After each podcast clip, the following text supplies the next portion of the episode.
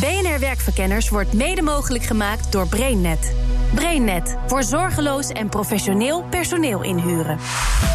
BNR Nieuwsradio. BNR Werkverkenners. Het is een bijzondere groep medewerkers. Ze hebben nog niet briljant veel ervaring. Er zijn veel vooroordelen over. En volgens het CBS vandaag zijn ze in de afgelopen tien jaar minder gaan verdienen. Ik heb het over de twintigers, oftewel de millennials. En misschien denkt u het nu nog niet, maar één ding verzeker ik u: je wil die groep nu binnenhalen. Maar dat is best lastig. Deze keer de vraag: hoe haal je als bedrijf het beste uit de millennial? BNR Werkverkenners.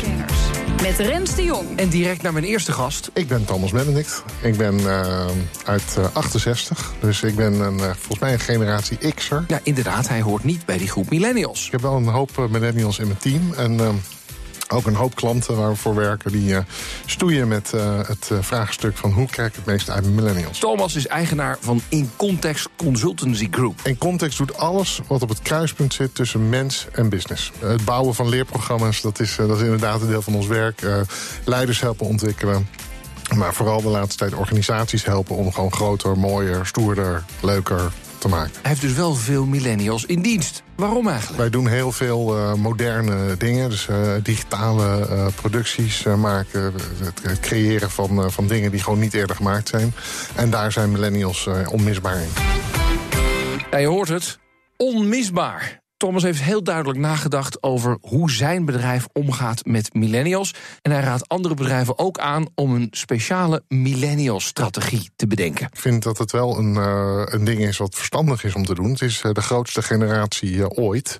En straks zijn ze gewoon het gros van je workforce. En ja. ze zijn ook echt wel op een aantal fronten anders dan dat, ja, dat wij waren. Ja, want, want jij en ik zijn allebei generatie X. Mm -hmm.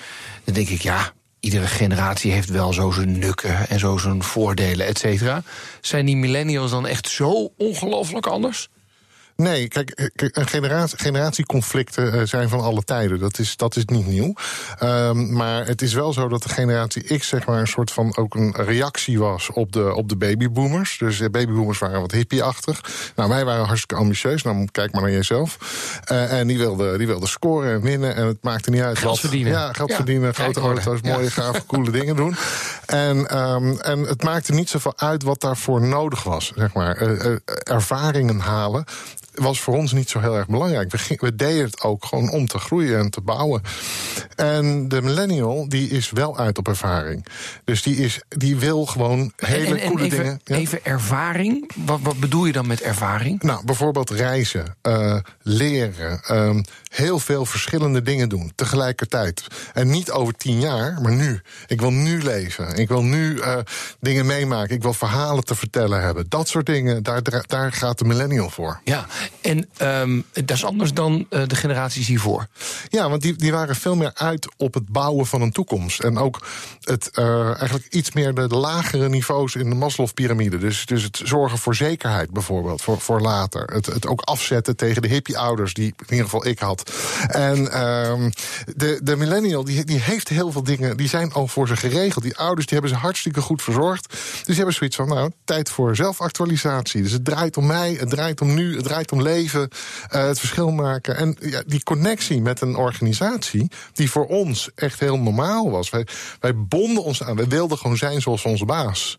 Uh, of in ieder geval zo rijk als die baas, of nog rijker. En de millennial die zegt, ja, weet je, ik weet niet of die baas wel zo heel stoer vindt. Ik, uh, ik wil zelf uh, eigenlijk wel een, uh, ja, de, de norm stellen. Dat moet heel confronterend zijn.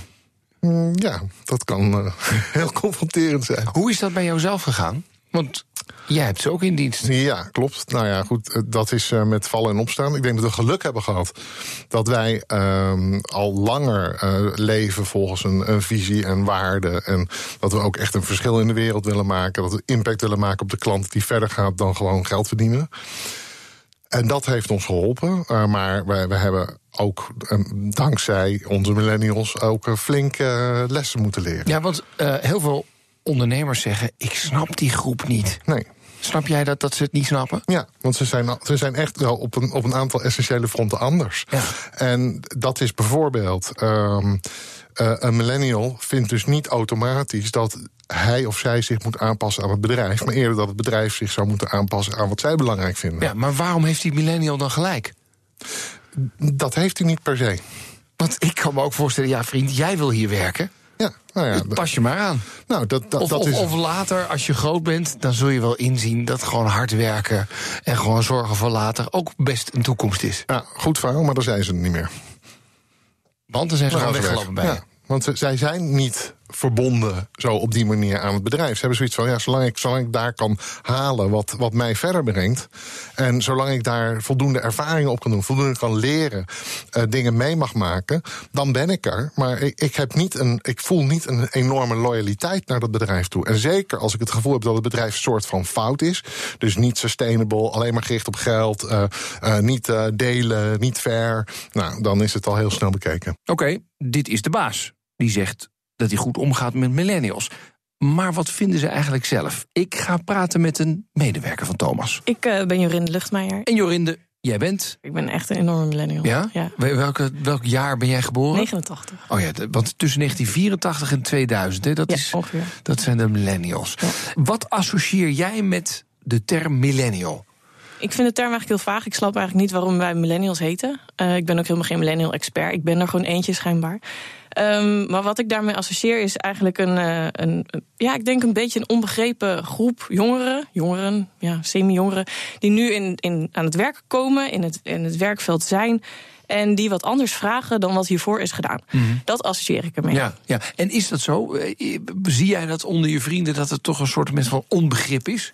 Ehm, ja, en dan zie ik het ook vanuit hen. Vooral een beetje de struggle van eh, hoe kan ik nou zorgen dat ik zo goed mogelijk in mijn werk ga zitten. Ik wil vrijheid, ik wil het zelf bepalen, ik wil. eh, heel veel ik, ik, ik, hè, zoals ik nu ook zeg.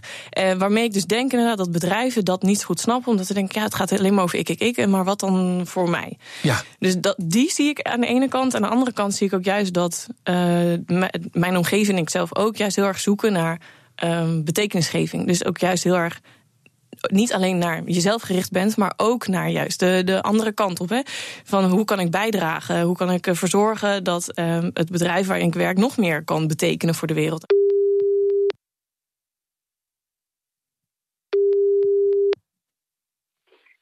Met Huub Nelis. Huub is de oprichter van jongerencommunicatiebureau Youngworks. Dat heeft onderzoek gedaan naar de waarden die millennials hebben. Ja, we zien dat als je de waarde van de huidige generatie eh, jongeren neemt, dus de millennials, dan zie je als je dat een soort van gemiddelde daarvan neemt, dat dat een generatie is die heel initiatiefrijk is, optimistisch, eh, heel veel kansen signaleren. We zien ambitieus en flexibel. We zien dat ze besluitvaardig zijn. Eh, het is ook een groep die heel veel waarde hecht aan authenticiteit en gelijkwaardigheid. Dat is ook een belangrijke waarde. Dat ze eigenlijk respect verwachten, eh, zonder dat ze er eerst van uitgaan dat ze dat respect moeten verdienen. Maar die waarden kunnen wel eens anders opgevat worden door andere generaties, zo zegt Huub. Nou, je ziet vooral grote verschillen in het respect. Want het is altijd heel leuk om over waarden van een generatie te praten. Maar daar kun je ook op verschillende manieren naar kijken. Dus eh, bijvoorbeeld als je zegt dat ze heel initiatiefrijk zijn... dan zouden de 40-plussers kunnen zeggen van ja, ze zijn nogal eigenwijs. En ambitieus is heel mooi, maar het kan ook eh, gezien worden als dat ze heel erg op zichzelf gericht zijn. En hun besluitvaardigheid heeft veel te maken met ook ongeduld. Hè? Dat ze ook niet altijd even de tijd nemen om te wachten tot, eh, tot ze gevraagd worden om iets te doen. Nou ja, je hoort het. Heel wat denkbeelden van millennials worden verkeerd of anders opgevat door bedrijven. Gevolg vooroordelen. En die ga ik voorleggen aan millennial Jorinde. Om te beginnen met nummer 1. Millennials gaan nooit echt voor je lopen, want ze hoppen van de ene naar de andere baan. Ja en nee. Inderdaad, wij, als wij ontevreden zijn, en ik, ik ga even heel generaliserend praten. Als wij ontevreden zijn, dan eh, gaan we niet eh, jaren wachten omdat wij de zekerheid hebben van een vast contract en we hebben een auto. eh, dus we blijven zitten omdat het zo veilig is. Dat doen wij niet. Nee, Dus inderdaad, wij hoppen als we ontevreden zijn. Ja, millennials zijn ongelooflijk ongedurig en ongeduldig en willen meteen een topbaan. Ehm, nee, ben ik het niet mee eens. Eh, we zijn ongeduldig. Wij eh, zijn opgegroeid met technologie. Wij zijn gewend dat met één klik op de knop eh, je een bestelling in huis hebt de volgende dag. Dat zijn jullie niet gewend. Hè? Uh, meteen tot aan de top. Nee, dat is denk ik een verkeerde assumptie. Wij weten heus wel dat je daar je best voor moet doen. Ja. ja. Um, even kijken. Um, oh ja. Millennials willen alleen maar gaan voor purpose in plaats van voor pegels. uh, ik denk NN. Allebei. Ja? Maar waar wij wel, als de purpose vergeten wordt, dan zijn wij denk ik afgehaakt. Dus ja, die moet je sowieso meenemen. Ja. Waarom is dat zo belangrijk, dat purpose? Ja, hier, daar stel jij zelf ook de vraag. Hè? Waarom? Waarom is de waarom belangrijk? Ja. Ja. Nou ja, weet je, maar goed, ik ben opgegroeid in een tijd. Um, beetje de eerste internetbubbel, weet je wel. Uh, uh, ik heb weddenschap met vrienden. Wie koopt er als eerste een Porsche nieuw uit de doos? Mm Dat was, dat was waar wij over praten. Ik heb overigens geen Porsche en zeker niet nieuw uit de doos. Maar dat is, weet je wel, wat toen. Mm -hmm. uh, en, en nu is het heel anders.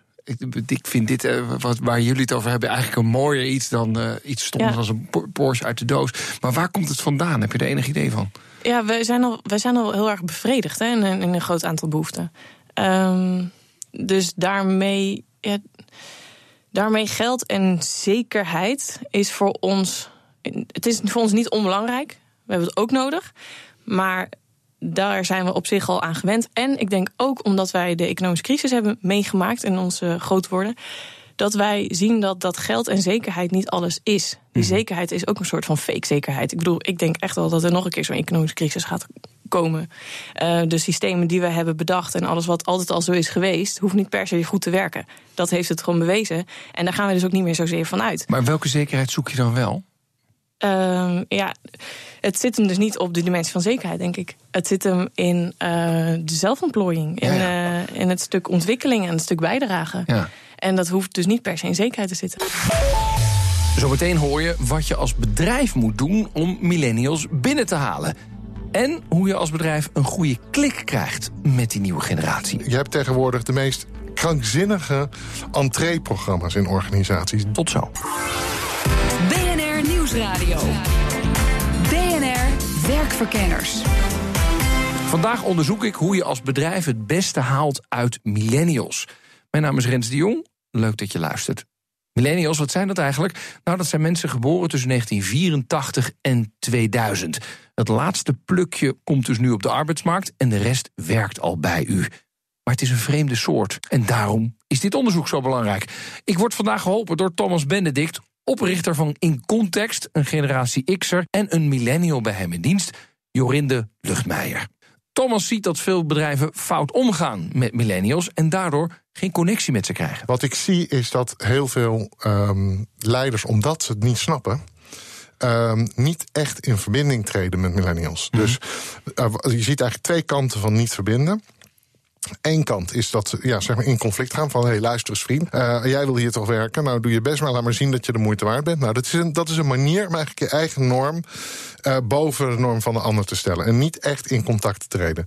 Andere manier is om millennials te pamperen. Bijvoorbeeld, je, je hebt tegenwoordig de meest krankzinnige entreeprogramma's in organisaties. Dagenlang de mooiste dingen doen, fantastische belevenissen en uh, van alles nog wat om te pamperen. Maar ook dan ga je niet in contact met je millennials. Je gaat niet met ze praten. Je gaat ook niet kijken van hoeveel vrijheid moet ik ze nou echt geven en waar moet ik de grenzen stellen. En dat is nou juist iets dat je moet opzoeken. Je moet in contact komen met ze. En je moet om in contact te komen ook bereid zijn om hen jou te laten veranderen.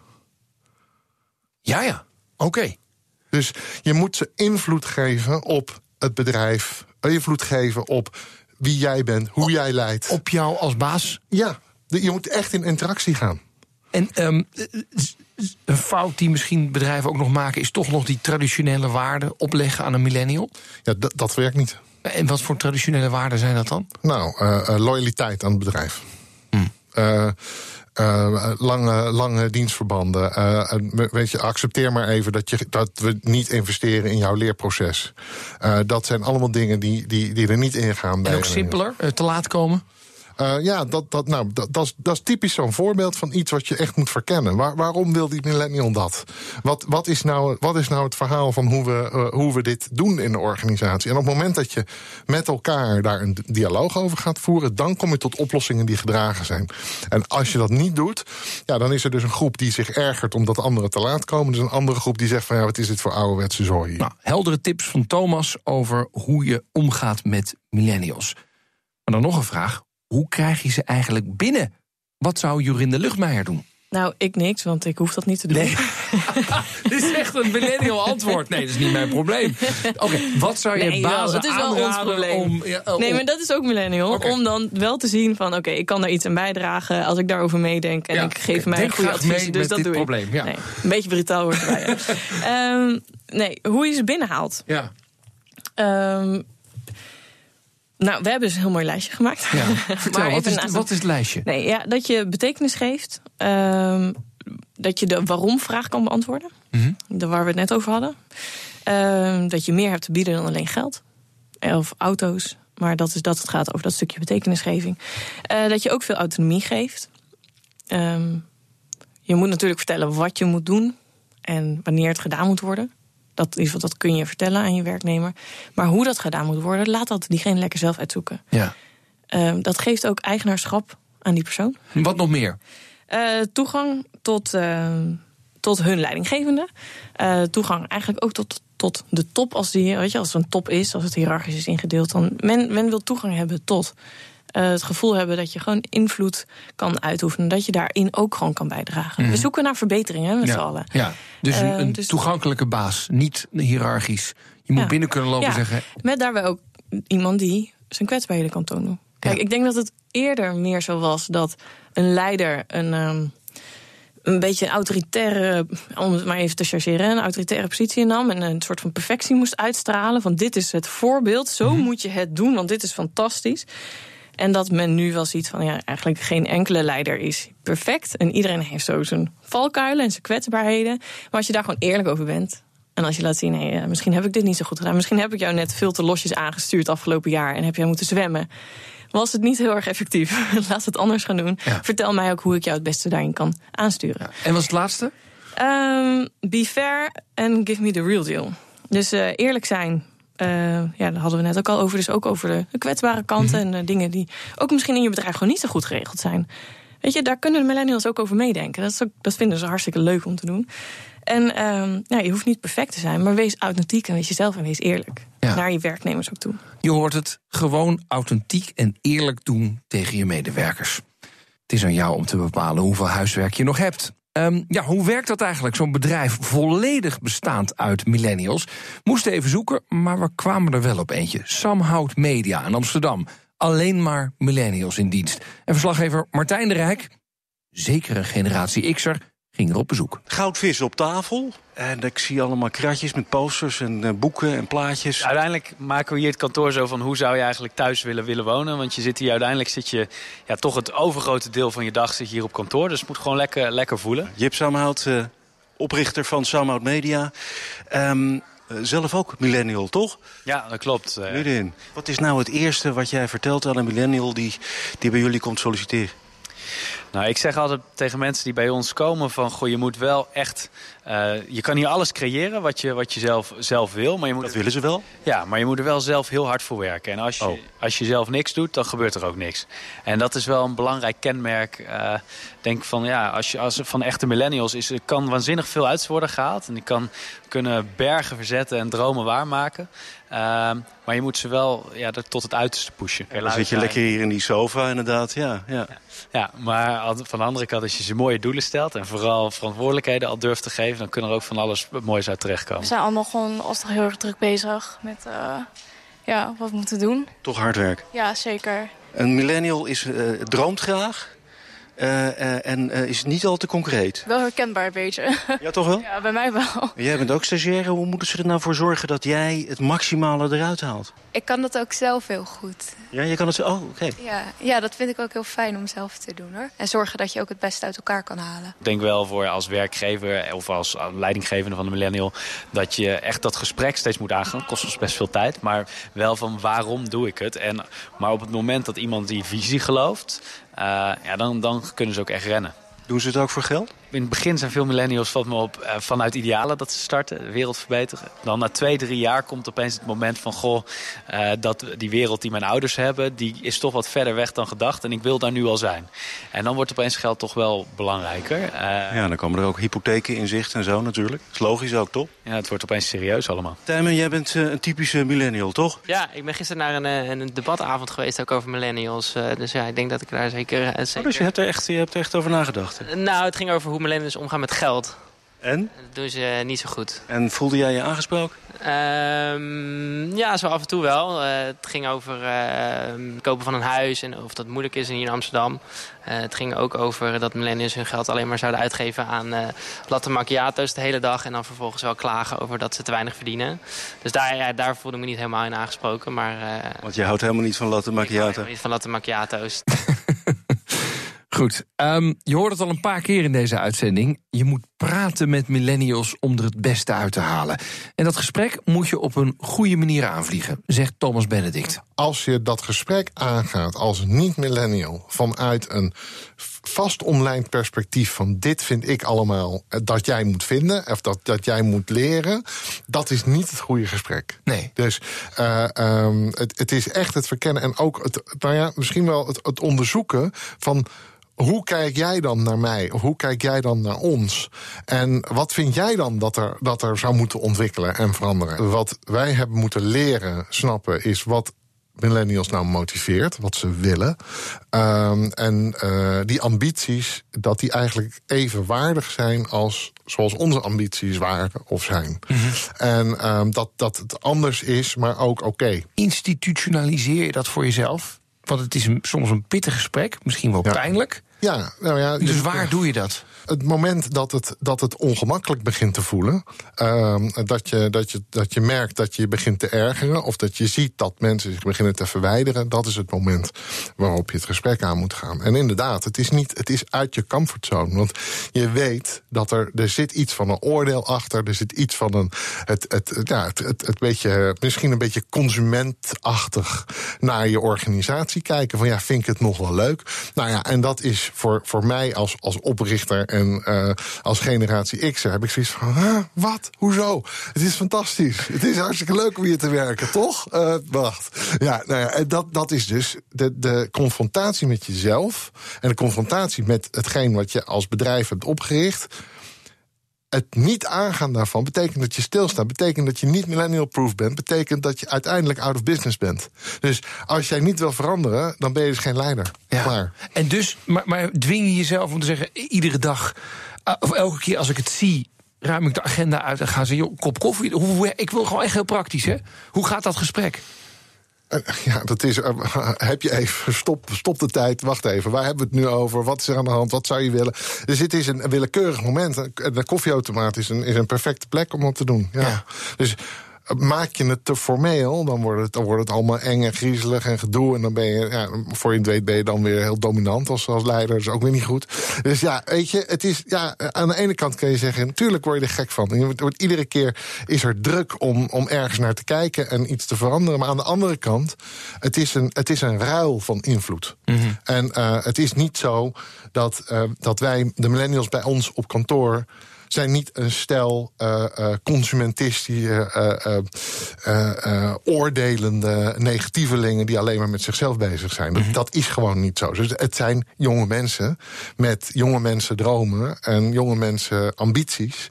En die proberen ze te verwezenlijken binnen je organisatie. En, en daarin kan je ze vinden rondom een visie, rondom uh, waarde leven, rondom echt zijn. Dat, dat, dat willen we denk ik allemaal. Ja. En um, nou, dat is dus de kunst om zeg maar, de gezamenlijke grondgebieden, de, de, de dingen die we delen, om die te vinden en daarop te vliegen. Nou, dat, dat, dat is heel erg leuk om te werken met millennials.